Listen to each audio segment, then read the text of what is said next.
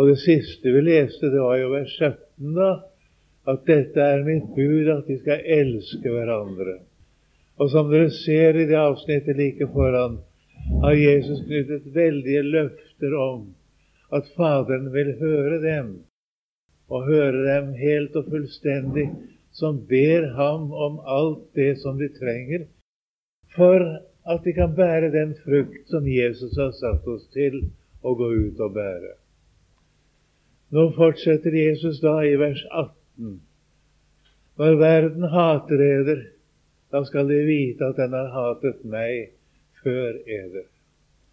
Var i av verden, da ville verden elske sitt eget.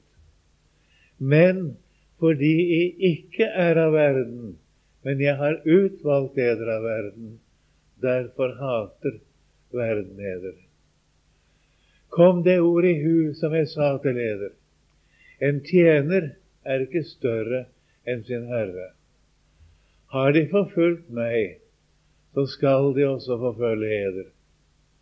Har de holdt mitt ord, så skal de også holde eders. Men alt dette skal de gjøre mot eder for mitt navns skyld, fordi de ikke kjenner Ham som har sendt meg.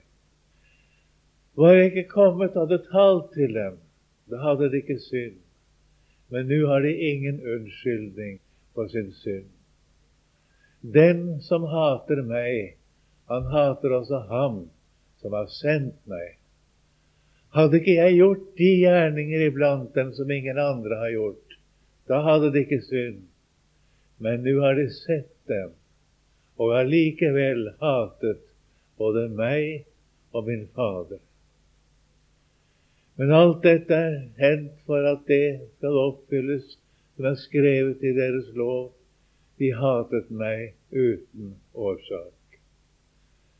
Når talsmannen kommer, som jeg skal sende eder fra Faderen, sannhetens ånd, som utgår fra Faderen, han skal vitne om meg. Jeg tror vi skal stanse der foreløpig. Det som Jesus kommer inn på nå, er verdens forhold til dem som tror på ham. Han har jo talt meget om vårt forhold til verden, og det går jo ut på at vi skal være hans vitner i denne verden.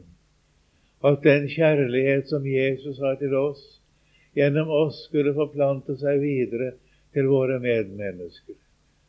At det sinnet som er i Jesus, var det som skulle være i oss. Det har vi talt om i de timene vi hadde her før jul. Nå taler han altså om verdens forhold til de troende, og regner det som en kjensgjerning at vi kommer til å bli forfulgt fordi vi tror på Jesus. Det går gjennom hele Guds ord. Og det regnes som et vilkår som en kristen lever under her i verden. Og Jesus sier i bergpreken for han taler om det kristne sinnelag i de første versene i kapittel 5. Salige er de som er forfulgt for rettferdighets skyld, for himlenes rike er deres. Og salige er de når de spotter og forfølger eder og lyver eder alle slags ondt på for min skyld. Og således gjorde de med profetene før eder, osv. Det blir ikke talt meget om det i dag. Faren i dag er gjennom all forkynnelse at det er ingen forskjell på menneskene i forkynnelsen. Det skjelnes ikke mellom kristne og ikke-kristne, stort sett. Og om det skjelnes på en slags måte, så blir det ikke gjort på den måten som Jesus gjør det, og disiplene gjør det. Og det blir ille opptatt om vi gjør det også. Og det er det Jesus er inne på her. Var i av verden? Da ville verden elske sitt eget. Hvis det ikke er forskjell på oss og verden, så er det ikke noe upopulært ved oss. Og en kristendom som faller inn i denne verdens syn og mening, den er meget populær. Det er bare det at det er ikke kristendom. Det er ikke sannheten, det. Når det skjer. Jesus sier at når verden hater dere, så er det fordi dere er ikke av verden. Fordi dere ikke er av verden, men jeg har utvalgt dere av verden. Derfor hater verden dere. Til en sammenligning vil jeg sammenligne her med Johannes 17, Jesu første prest i bønn, og vers 14, For Jesus sier det at 'Jeg har gitt dem ditt ord'. Det sier han til sin far i himmelen. Jeg har gitt dem, altså jeg har gitt mine disipler, jeg har gitt dem ditt ord. Og følgelig, betyr det egentlig, har verden hatet dem fordi de ikke er av verden, ikke som jeg ikke er av verden. Og det er en underlig sammenheng her, som vi også har pekt på før i Johannes 17. For Jesus sier lenger fremme i vers 6-8 der at uh, de ord som du har talt til meg, de ord som du har gitt meg, har jeg gitt dem, disiplene. Og de har tatt imot dem og kjent, det vil si opplevd, i sannhet at jeg er utgått fra deg. Og de har trodd at du har utsendt meg. Og så sier han videre om dette ordet, det er i vers 20 i Jesu ypperste bønn, at det er ved det Guds rike utbres. Jeg ber ikke for disse alene, sier han, disse tolv eller elleve, men også for dem som ved deres ord kommer til å tro på meg. Guds rike utbres gjennom et budskap som Jesus har gitt. Det er det budskap som er den store åndelige kapitalen i Guds rike, som Jesus også kaller talenter, i en lignelse i Matteus 25. Den skal hun ikke komme inn på akkurat nå. Men det som utbrer Guds rike, er et budskap som kommer fra Jesus selv. Budskapet handler om Jesus selv. Det taler om hvem Jesus egentlig er. Og vi har sett det i Johannes evangeliet. Det er et budskap om at han er Gud fra evighet. Det begynner med å peke på det og Han som er Gud fra evighet, han er kommet i kjød, og han har tatt bolig iblant oss. Det står i Johannes 1, 14 blant annet. Og Jesus taler om dette i kapittel 5 og i kapittel 6. Han er kommet ned fra himmelen, sier han ofte i kapittel 6. Han er kommet for å bli menneskesønnen. Det måtte han bli for å kunne gjøre sin frelsergjerning. Han måtte komme og bli som en av oss. Fordi det var våre gjerninger han skulle gjøre. Det var våre synder han skulle bære. Og det som han skulle gi for verdens liv, det var hans kjød, sier han i Johannes 6, som han skulle gi for verdens liv. Det er altså et klart budskap om hvem Jesus er, om hva han er kommet til verden for å gjøre at han er kommet for å ta ansvaret for alle våre synder og gi seg selv istedenfor oss, for at vi skal leve ved ham. Han døde for at vi skulle leve. Han tok dommen og straffen for at vi skulle bli fri. Det er dette spesielle budskapet, altså, for å si det kort, om en bestemt person som har fullført ganske bestemte kjensgjerninger til vår frelse, som er Guds ord, som er evangeliet. Det er ikke en hvilken som helst trøstelig tale om Gud. Og det er ikke en hvilken som helst tale om Guds godhet. Det er heller ikke en hvilken som helst tale om Jesu medmenneskelighet. At han er så forståelsesfull overfor syndere. Og at han tar seg så av de hjelpeløse. Hvilket han jo gjorde. Naturligvis gjorde han det. Alt dette at han har identifisert seg med oss, som man ynder å si i dag. Og identifisert seg med de dypest falne osv. Det er jo et sannhetsmoment i den tale. Men når den tale blir gjort til evangeliet, da er det en løgn. Det var ikke derfor Jesus kom. Han kom for å sone vår synd. Han kom for å ta dommen og straffen. Han kom for å gjøre våre gjerninger istedenfor oss. Han kom for å fullføre Guds rettferdighet, så den blir gitt oss som en gave fra Gud, så vi blir rettferdige for Gud i ham. Den tale liker ikke verden. Denne tale, den hater verden.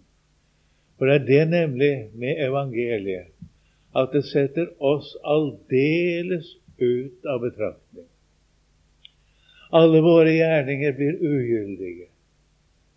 Alt, og særlig vår religiøsitet, blir verdiløs, ja, endog farlig. Dette tåler ikke menneskene å høre. At Gud ikke regner med oss, det som i virkeligheten er vår store lykke og salighet. Gud satte oss til side, og vi ble korsfestet med Kristus. Da Kristus døde, da døde vi i Guds øyne. En er død for alle, og derfor er de alle døde. Og Gud regner aldri mer med oss mennesker. Det dette altså setter oss helt ut av betraktning i Guds øyne. Vi gjelder ikke mer. Men det er det som er det store. Derfor kan Gud si så kategorisk som han gjør, både i det gamle og i Det nye testamentet. Dine synder kommer jeg aldri mer i hu. Jeg, jeg er den som utsletter dine misgjerninger for min skyld og dine synder kommer jeg aldri mer i hu. For han har gått inn i vårt sted. Han er stedfortrederen. Derfor kom han. Dette budskapet har han gitt til sine apostler. Dette budskapet er det de forkynner. Dette budskapet er det som frelser mennesker. Jeg tenker på forskjell på forkynnelsen i dag og hvordan den var for 50 år siden. Da kunne vi høre meget enda om stedfortrederen, han som har sonet våre synder med sitt blod, og høre det på en slik måte at vi fikk høre at han hadde kjøpt oss fri. Men det er ikke slik i dag. Det kommer noe med her som trekker oss med inn i bildet. Og det er meget farlig. Men det evangelium som forkynnes om hvordan Jesus kan identifisere seg med de dypest fallende, det kan bli veldig populært. Og det passer veldig godt for sosialister. Og det er en spesialitet for sosialistprester å forkynne. Og mange syns jo det er veldig fint, dette her, da. Høres så pent ut. Men dette blir ikke forfulgt, nei. Dette møter ikke motstand i verden. Men forkynner jeg det som Jesus selv sier, og tror jeg på ham, så blir jeg utvalgt av Jesus. Det står klart i Guds ord at Gud utvalgte oss i Kristus før verdens grunnlov ble lagt. Og at Guds utvelgende nåde, den er virksom i et budskap. Det ser vi ikke minst i lignelsen om kongesønnens bryllup. Det Guds utvelgende nåde kommer et budskap. Den som hører dette budskap uten å gjøre motstand imot det, men tvert om tar sin tilflukt til det, han blir utvalgt av Gud selv til barnekår hos Gud. Og han blir frelst. Han kommer til å tilhøre Jesus er utvalgt i Kristus. Og Jesus sier da at det er ikke dere som har utvalgt meg, men det er jeg som har utvalgt dere. Og dermed er vi utvalgt av denne verden og satt inn i Guds rike. Og dermed blir vi gjenstand for denne verdens hav. Fordi jeg har utvalgt dere av verden. Dere tilhører altså ikke verden lenger. Var jeg av verden, så vil en elske sitt eget. Men det er dere ikke. Dere tilhører ikke verden lenger, og derfor hater verden dere. Og så må dere komme det i hu at dette har jeg sagt dere på forhånd.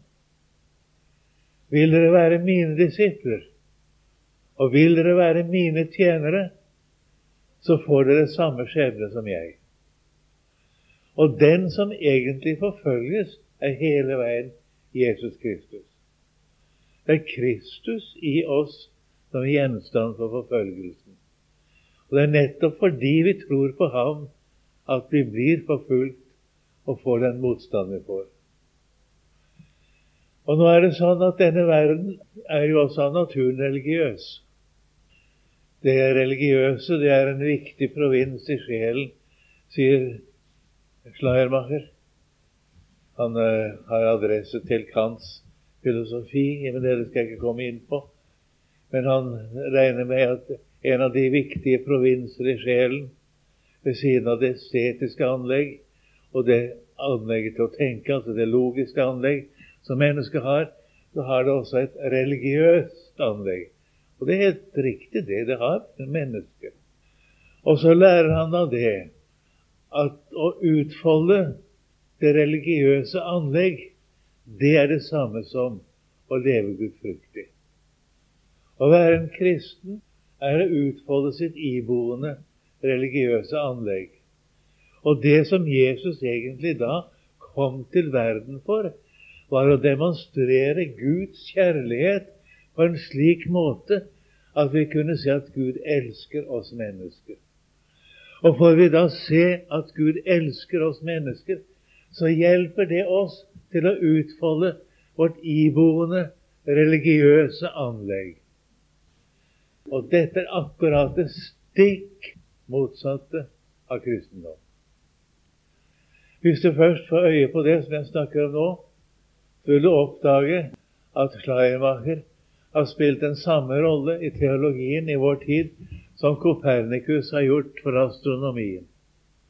Han har laget et grunnsyn, et tankegrunnlag for all teologi, som går ut på det at Jesus skal hjelpe oss til å utfolde vårt iboende religiøse anlegg. Har vi fått se det, da har vi fått se noe viktig. Men da har de også fått se at dette er ikke kristendom. Å være en kristen, det er å bli frelst fra sin egen religiøsitet. Bli frelst fra meg selv. Jeg blir nettopp frelst fra det som mennesket bygger på. Jeg har fått et nytt liv. Dette livet er i Guds sønn. Og Guds eget vitnesbyrd til oss mennesker går ut på det som Johannes sier i sitt første brev, kapittel 5. Dette er vitnesbyrdet, at Gud har gitt oss evig liv. Og dette livet er i Guds sønn. Den som har Sønnen, han har livet. Derfor kan han også si det som det står i 1. Johannes 5, der i vers 10 der. Den som tror på Guds sønn, har vitnesbyrdet i seg selv. Vi får altså Guds ord inn i vårt hjerte og inn i vårt liv ved at vi tror på Guds sønn. Og dermed er vi altså utvalgt av verden, av Jesus selv, og tilhører ikke denne verden lenger, men vi tilhører Jesus. Og dermed har vi hele verden som motstand. Menneskene forstår ikke dette her. Det er en gåtefull og en umulig tale, som Jesus da sa til Nikodemus, at den som ikke er født på ny, han kan jo ikke se Guds rike. Men det øyeblikk dette går opp på hjertet, så åpner det seg en ny verden. Og da ser vi Jesus. Da ser vi frelsen. Dette fører med seg altså at vi må være forberedt på at det er vanskelig å være en kristen. Og motstand møter vi. Og fortrinnsvis kommer vi til å møte verdens fiendskap gjennom religiøse mennesker. Det gjorde jo Jesus. Det var datidens religiøse og fromme mennesker som jo var hans verste motstandere og fiender og som også direkte dømte ham til døden. Og det grunnsyn som de bygget på, fariseerne og de skriftlærde, det var jo det at Gud ved å gi sin kraft til mennesket, skulle hjelpe mennesket til å leve etter hans vilje, slik som han hadde åpenbart den i sin hellige lov. Intet menneske kan holde loven av seg selv, det lærte de meget sterkt. Og intet menneske kunne noe ved egen kraft. Men ved Guds kraft så kunne de leve etter hans vilje. Så kommer Jesus og sier at det er ingen hjelp i det. Det som er født av kjødet, er kjød, sier Jesus. Altså det som er av det naturlige mennesket, det er av det naturlige mennesket. Om dette naturlige mennesket er åpenbart gudfiendtlig, eller dette naturlige mennesket er religiøst og tilsynelatende gudvennlig, så er det dog det naturlige mennesket. Om et alminnelig, naturlig menneske beflitter seg på å ville leve sånn som Bibelen sier en kristens liv skal leves, og la oss si det lykkes i stor utstrekning for et alminnelig menneske å oppføre seg som en kristen, så kan vi spørre blir et menneske en kristen ved å oppføre seg som en kristen? Nei. I mine unge dager brukte jeg et bilde, og til min store overraskelse fikk jeg mange år senere oppdage at professor Odeberg i Sverige brukte det samme bildet. Hvis en ape blir dressert til å oppføre seg som et menneske, blir apen menneske ved å oppføre seg som menneske? Naturligvis ikke. En ape er mer sympatisk når han ikke oppfører seg som menneske. Kan vi spørre et alminnelig menneske blant en kristen og å oppføre seg som en kristen? Nei. Og så holder de på å be Gud om kraft til å oppføre seg som kristne. da. Og så kommer vi og sier det. Nei, dette er ikke kristendom. Å være en kristen, det er å eie Jesus, det. Å være en kristen, det er å være korsfestet med Kristus. Det er å dø bort fra seg selv Det er å miste livet for Jesus skyld. Og så finner jeg det i Jesus. Han er min stedfortreder. Han er mitt liv. Han har sonet mine synder. Han har gjort meg fri. Jeg kan si med Luther at for meg, i mitt gudsforhold, så gjelder verken ett eller ti bud. For alle bud er oppfylt for meg i mitt forhold til Gud. En annen ting er jo det, sier Luther, at når det gjelder mitt forhold til mine medmennesker, så kunne jeg jo ønske å være den frommeste helgen. Men så det er en annen sak. Og den virkning av at jeg tror på Jesus, og er Jesus det. Men i mitt forhold til Gud er det ingen bud mer. Alt er oppfylt. Veien er fri, veien er åpen, og jeg hører Jesus til. Det er et vidunderlig evangelium. Og det er dette som er sendt ut som et budskap til syndere. Det er ikke dette at Jesus har identifisert seg med deg, men Jesus, han tok og gjorde ende på alt ditt. Du døde med Jesus på Golgata kors. Og det sto i en sang vi hadde i sangboken vår før Med Jesus jeg døde på Golgata kors. Nå eig eg livet han kjøpte til oss. Det er sant. Dette vil ikke den religiøse verden høre på. Det gir ikke plass for oss. Alle våre vurderinger og alt vi får til, det betyr så lite. Og ingenting. Vi er frelst ut av denne verden, inn i Guds sønns rike. Og det gjelder andre lover enn her i verden. Derfor blir en kristens hele tankegang så totalt forskjellig fra et vanlig religiøst menneskes tankegang. Og så blir det altså da, som Jesus sier Når vi opplever disse ting, så har det altså sin egentlige grunn, sier Jesus det. De kjenner ikke ham som har sendt Jesus. Har de forfulgt meg, så kommer de til å forfølge dere. Jeg kan si en ting til. Har de holdt mitt ord, så skal de også holde eder. Og det er det merkelige, altså. Tross all motstand, tross alle protester, tross all forfølgelse, er de nødt til å respektere evangeliet. Sannheten baner seg veien. Har de holdt mitt ord, så skal de også holde eder. Det betyr ikke at alle blir kristne, naturligvis. Det betyr at Guds ord, det blir stående. Og alt dette skal de gjøre mot dere. For mitt navns skyld, sier. Ikke for vår skyld. Det er ikke verken vår fromhet eller vår, det vi kaller vår kristendom. Men det er for Jesu navns skyld. Og det er fordi de ikke kjenner Han som har sendt meg. Og så sier Jesus et veldig alvorlig ord da. At den som hater Jesus, han hater ham som har sendt ham. Han er inne på det flere ganger. Vi hører det tidligere også i Matteusevangeliet, 10. kapittel. Den som tar imot eder, tar imot meg. Den som forkaster dere, han forkaster meg. I forbindelse med at Jesus sender sine disipler ut for å forkynne Guds rike. Og så kan vi da stille det spørsmålet hvordan viser motstand mot Gud seg? Jo, som motstand mot dem som forkynner Guds ord. Det er motstand mot dem som forkynner evangeliet. Motstand mot dem, det er motstand mot Gud. Og hatet mot Gud viser seg som en hat mot dem som tror på Jesus. Dette skjer da uten at det er noen grunn til at det skulle skje menneskelig sett. De hater meg uten årsak, står det. Og det oppfylles i Jesus på ham, og det gjør det i sannhet. Han har bare gjort godt. Han har aldri gjort urett. Det har aldri vært noe galt i forbindelse med Jesus i noen som helst henseende.